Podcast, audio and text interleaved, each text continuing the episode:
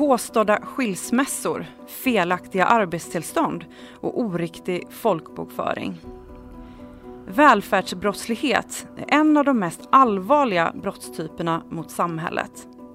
Brottsuppläggen handlar ofta om att kriminella lyckas få utbetalningar om statliga ersättningar av olika slag utan att de egentligen har rätt till pengarna. Det kan handla om felaktiga utbetalningar upp till många miljarder kronor per år. I Södertälje är den här typen av brott ofta förekommande. Om det hör du i det här avsnittet av Polispodden Stockholm med mig Anna Westberg. Och med mig i studion Max Åkervall, polischef Södertälje och Anna Flink, säkerhetschef Södertälje kommun. Välkommen hit till podden Max och Anna. Tack. Tackar, tackar. Ni kommer snart få presentera er mer, men om vi börjar med själva brottstypen välfärdsbrott. Den här typen av organiserad brottslighet är komplex och kräver många olika kompetenser för att bekämpas. Ni arbetar som polischef och säkerhetschef i Södertälje kommun, där det sticker ut i landet vad gäller välfärdsbrott. Varför ser det ut så här? Alltså, ja, för att det är så skulle jag vilja säga. Och sen också för att vi faktiskt tar tag i det i Södertälje. Vi har idag ett aktivt hanterande av välfärdsbrotten. Och vi har lärt oss också att identifiera de delarna i, i den kommunala organisationen som polisen behöver ta del av. Så att vi snabbt kan hitta varandra i det här. Och det är egentligen svaret på att vi sticker ut. Men vi sticker ju ut för att det finns väldigt mycket också. Sen tror vi inte i Södertälje att vi är ensamma om det här. Men vi har ett väldigt aktivt hanterande av de här frågorna. Ja, Anna, och när ni, när ni tittade på den här frågan så var det så att faktan inte överensstämde med hur verkligheten visade sig se ut? Nej, ett bra exempel på det, det är när vi kartlade de ekonomiska, de hushåll vi har på ekonomiskt bistånd i Södertälje där vi såg att vi hade en stor andel utrikesfödda medborgare som inte tillhör kulturer där man skiljer sig lättvindigt utan man är ganska så noggrann med att hålla ihop i en parrelation och giftermålet är väldigt, väldigt stort. Eh, när vi såg då på den här kartläggningen så såg vi att vi hade i stort sett bara singelhushåll på ekonomiskt bistånd i Södertälje.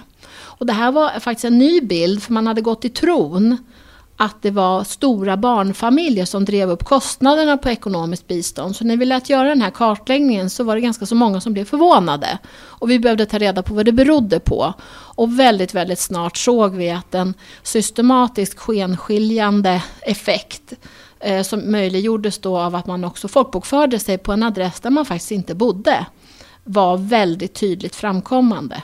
Och nu kanske du redan är inne på det på min nästa fråga, men vilka är då de främsta brottstyperna inom, inom ramen för välfärdsbrott i Södertälje? Alltså jag skulle vilja säga så här att just folkbokföringsbrottet ses ju inte som något stort brott i sig. Men effekterna av folkbokföringsbrottet är förödande för vårt välfärdssystem. För vet vi inte vart människor bor och verkar så har vi inte heller koll på hur man i en lägenhet där man har skrivit sig kanske gör helt andra saker än bara bor. Det kan ju föregå prostitution, det kan vara vapengömma, det kan vara narkotikagömma, det kan vara ett ställe där man förvarar människor i väntan på att de ska användas till någonting. Alltså det är förfärlig disorienterande information det här. Och vad innebär då det här för samhället i stort, Max? Ja, men jag känner ju igen mig i allt det här som Anna beskriver och det har ju också funnits en ganska stor och påtaglig polisiär frustration i samband med liksom linjearbete. Man stoppar, kontrollerar personer, fordon, man gör hembesök, man gör den här typen av iakttagelser, det finns madrassboenden. Eh, man, många gånger så har man ju också kommit väldigt långt i en normaliseringsprocess där man liksom inte ens försöker mörka för polisen att man då kanske uppbär olika former utav försörjningsstöd eller att man jobbar svart och allt det här. Det har man liksom kunnat berättat om för polisen och andra utan att det blir några konsekvenser. Och vi har inte heller haft någon bra avsättningsyta för den typen av information. Men genom det samarbete vi har byggt upp över tid och sånt så är vi så mycket bättre på att dela information med varandra. Och för mig är det viktigt också att när man jobbar i egentligen i alla områden men i synnerhet i särskilt prioriterade och utsatta områden så är det minst lika viktigt som att liksom stoppa våldet på gator och torg och hot och utpressningar att jobba för att på olika sätt eh, begränsa och stoppa normförskjutningen. För normförskjutningen i sig den har sådana förödande konsekvenser i, och bidrar i högsta grad till till exempel en ökad tystnadskultur eh, och att man liksom kan göra kortsiktiga vinster och få köpa attraktiva varor och tjänster långt, långt under marknadspris och så liknande. Och det här skapar ju och bidrar till en parallell samhällsstruktur och det är det vi har enats kring i mångt och mycket. Att stärka det legala samhället och göra allt vad vi kan för att motverka eh, ja, en eskalering utav den här parallella samhällsutvecklingen. Och där tänker jag, där går ju vi armkrok då och tittar lokalt på näringslivet i Södertälje. Vad kan vi göra för att stärka upp den legala verksamheten? Så här har vi ju naturliga kontaktytor där vi hela tiden kan verka för det legala samhället. Så att vi får ju mer muskler och polisen får mycket, mycket mer material än vad man kan få om man bara ska bedriva spaning eller hoppas att det kommer ett tips. Och ni, ni kommer gå in mer på snart på hur, hur samarbetet polis-kommun ser ut. Men först så tänkte jag be dig Anna, om du kan ge ett konkret exempel på, ett, på, hur, på hur ett upplägg för välfärdsbedrägeri kan se ut. Mm, absolut.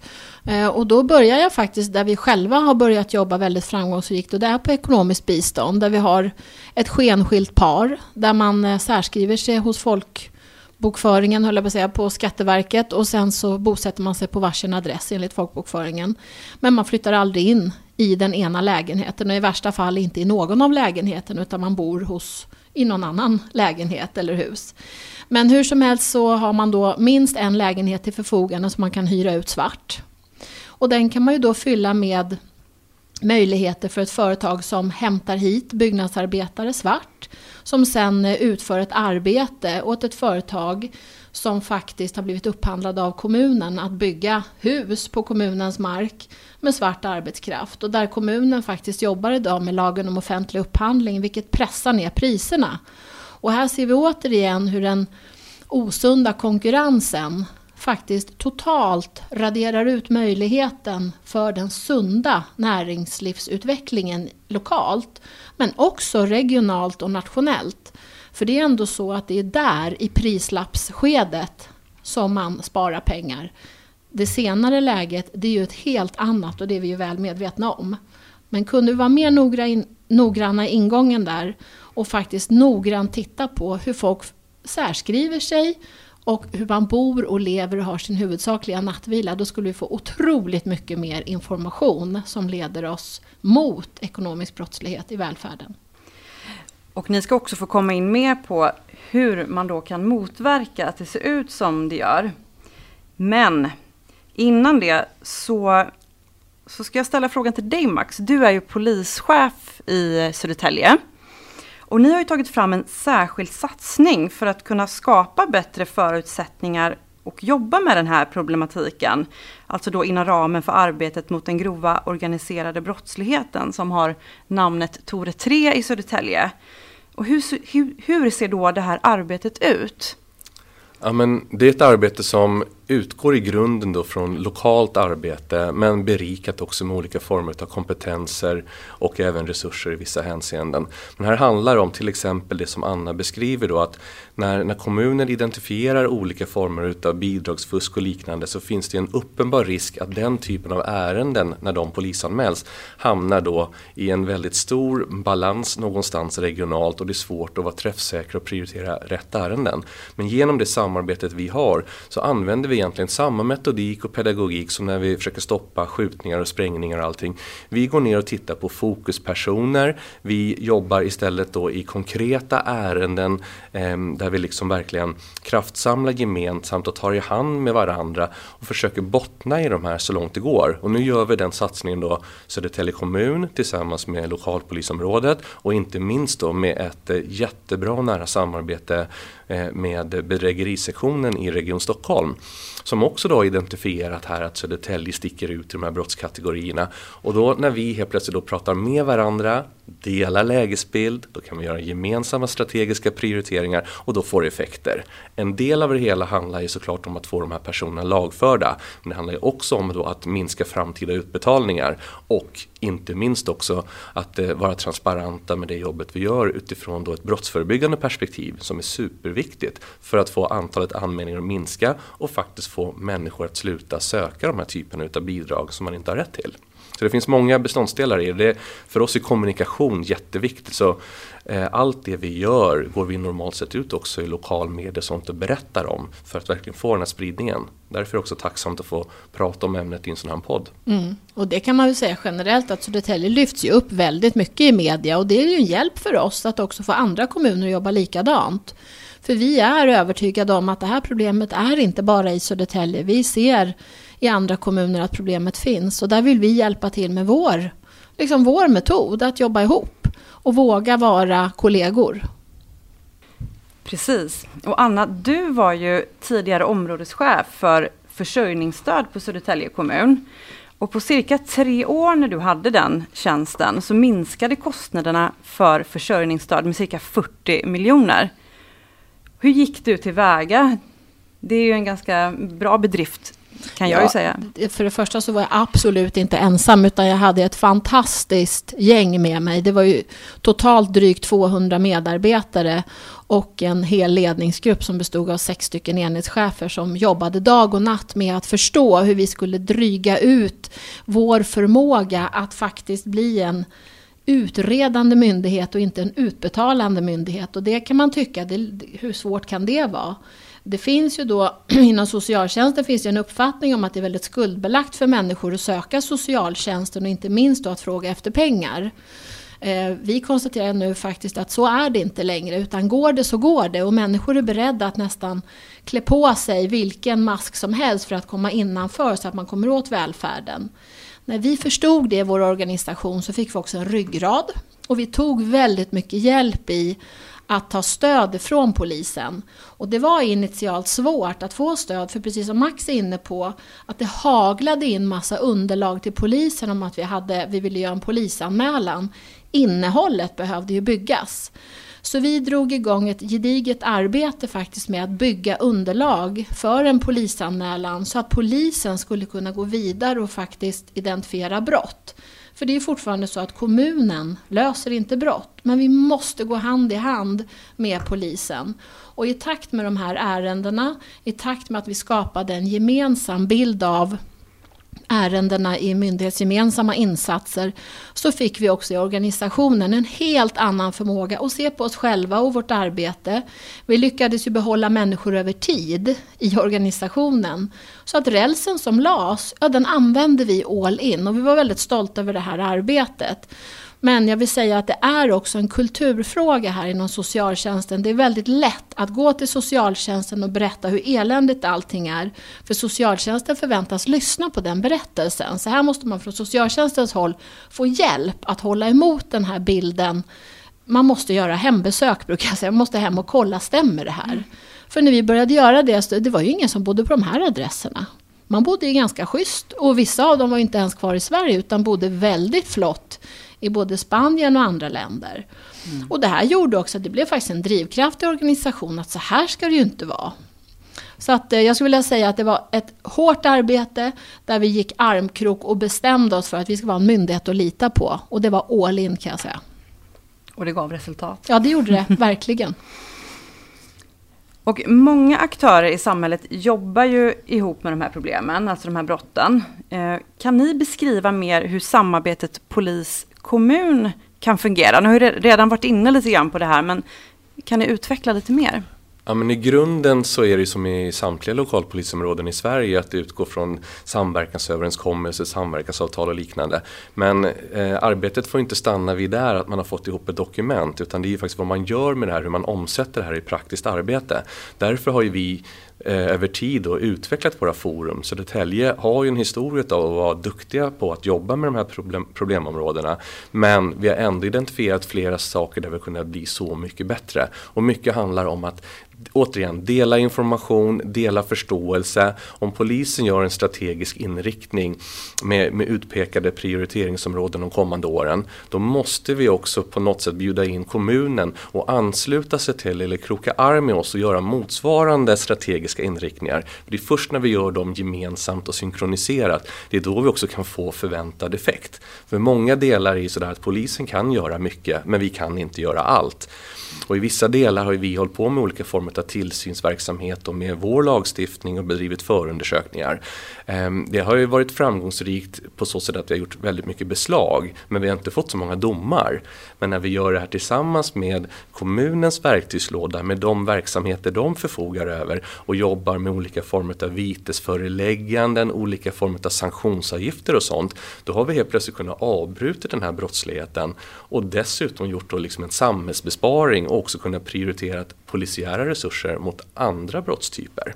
Så att, återigen, det handlar om att dela lägesbild. Det här är ett mm. pågående, fortgående arbete varje dag som, som Anna och jag sliter med tillsammans med helt fantastiska kollegor. Mm. Eh, och och det, det, ja, det gör ju skillnad varje dag. Ja, det gör det. Och, och jag märker nu senaste tiden att man tar helt annan eh, Alltså man använder oss på ett helt annat sätt. Det är vanligt att rektorer ber om hjälp. Tidigare så kände man sig kanske som rektor lite ensam och man ville inte riktigt berätta hur det var. Nu har man förstått att det finns någonstans att gå med sin problematik. Och där är vi väldigt tacksamma också för den media vi får. För att det är också så, problemet är känt. Och då vågar man prata om det. Så det här är faktiskt en mänsklig fråga om mod också. Och det är ju, det är ju Max och min absoluta drivkraft här att vi ska skapa mod och nyfikenhet i vår organisation. Och vi verkar ju för Södertäljes medborgare men vi vill också att Sverige ska ta efter. Och så har vi också kunnat dra nytta utav då olika former av myndighetssamverkan. Vi vill verkligen lyfta fram myndighetssamverkan. Vi vet att det är inte alla lokalpolisområden som får den chansen och kanske hamna på den arenan. Men när och om man lyckas med det så är det en framgångsfaktor. För det är samma där, när vi då sitter med de 12 nationella myndigheterna och beskriver den här problematiken och att vi går fram med gemensamma satsningar, då får vi också helt plötsligt muskler från andra myndigheter som ansluter sig till det här. Och sen så blir det spin-off effekter, vi bygger kontakter med varandra eh, och vi vi, vi, får helt enkelt mycket mer pang för pengarna, mycket mer effekt av det arbetet och de satsningarna vi gör. Mm. Och det kan man väl säga, syns man så finns man, men när man också blir bekräftad i det man gör så blir man också modig och vågar ta nya steg. För det här är inga lätta frågor. Eh, det tycker varken Max eller jag, men det är vår vardag och vi tar oss an den. Och sen en viktig sak som det tål att upprepas gång på gång, det är också att Södertälje kommun, det kan jag verkligen säga, de står över tid för ett mod. Man säger som det är. Jag kan tycka att många andra kommuner är alldeles för rädda för att säga som det är just utifrån att inte få någon stämpel som en kommun med utmaningar eller problem. Men om vi inte vågar prata om de problemen och de utmaningarna vi har, hur ska vi då kunna få till en förändrad samhällsbild? Och här är Södertälje ett föredöme som fler borde ta efter. Och vi jobbar ju hårt för en transparens i vår organisation. Och vi, vi ser ju också ett värde i att våga berätta hur det är, för då får vi också hjälp med hur det är. Det är en bra poäng. Och, eh, men det finns ju då trots allt svaga punkter i, eh, i samhället som utnyttjas av eller som utnyttjas i de, de kriminellas upplägg. Och vilka är då de här svaga punkterna enligt er?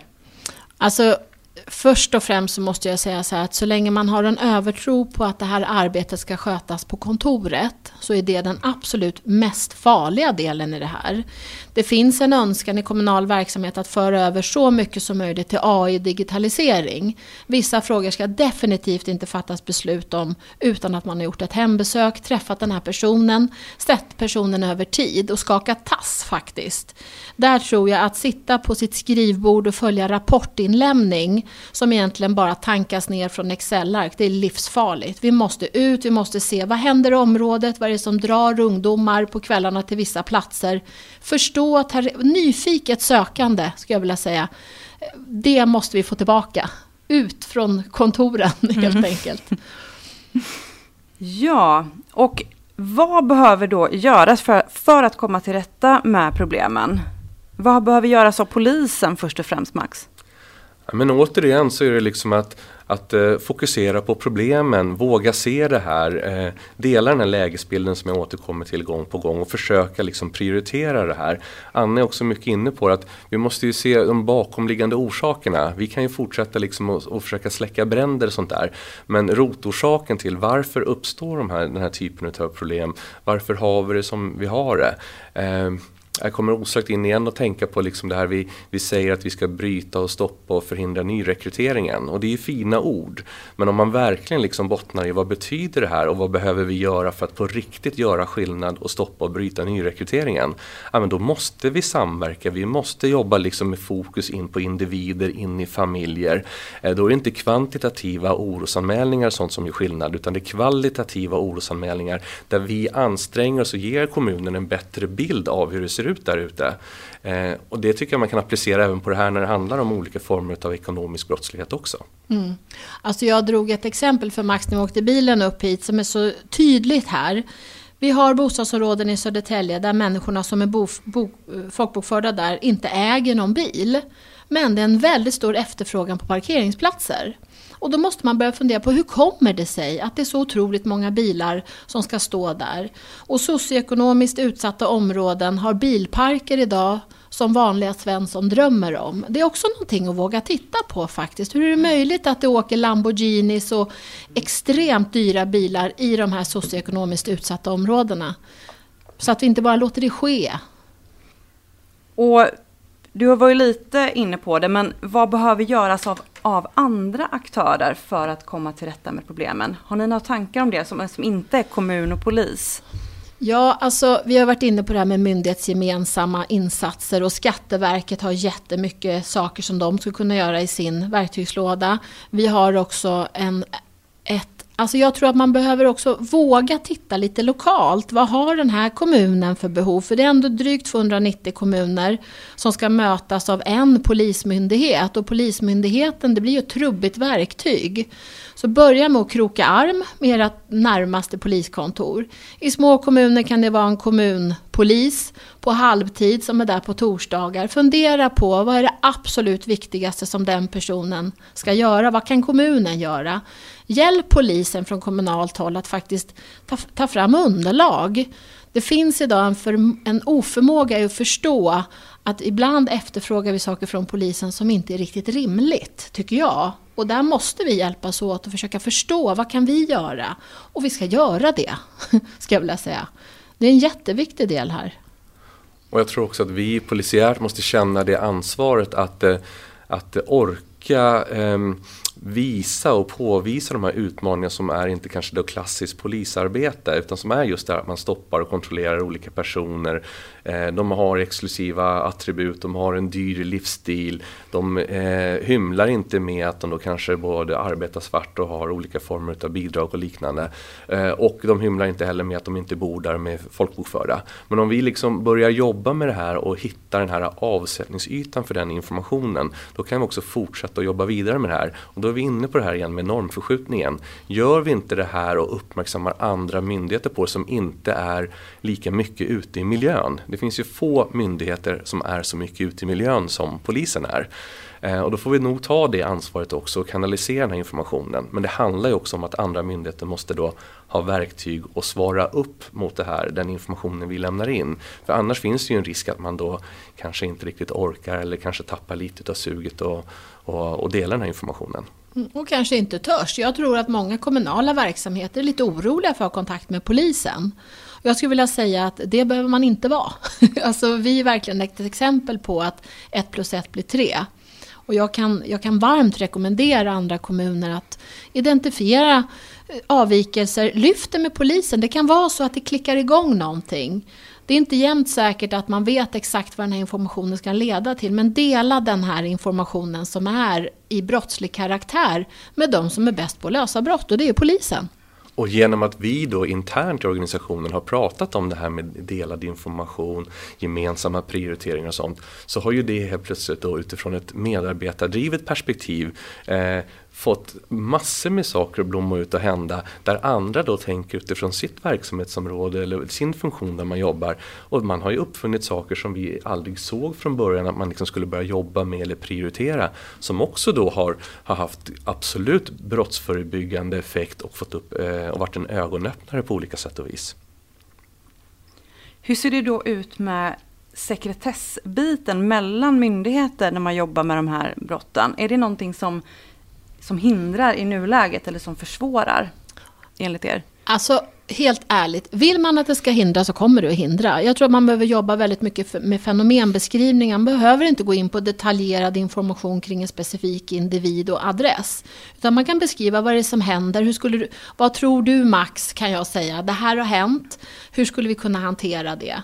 Ja, nej, men här måste vi nog få in en polisanmälan eller har ni gått vidare på det här? Ja, men tack så mycket, då fortsätter jag. Alltså att man har lite så här daglig, lite vardagskontakt i att försöka navigera, för man blir ju bara bättre och bättre när man samverkar. Mm. Så att jag tror att det handlar väldigt mycket om att våga visa att man behöver lite hjälp ibland, faktiskt. Mm. Det, är, det är den första koden. Samverka. Mm. Har ni några sista ord i den här frågan? Ja, alltså jag tycker att det är otroligt viktigt att man eh, inte tror att man ska sitta här och kunna allting utan att man faktiskt förstår att det här är komplext och det är stort. Det finns ingen förväntan på att en ensam ska lösa frågan utan kroka arm och prata om lägesbilden i just din kommun och gör det tillsammans med andra och våga beskriva det utifrån fenomen som man känner till. Och har man har man många ungdomar som driver omkring, inte är i skolan, samla de som har med ungdomarna att göra. Fundera på, ser vi några synergier här? Är det någonting som vi tillsammans kan titta på? Alltså börja helt enkelt, är mitt svar. Mm. Vänta inte, för det är ingen som kommer göra det här åt oss. Vi måste göra det helt själva. Och då är det skönt att ha en kompis.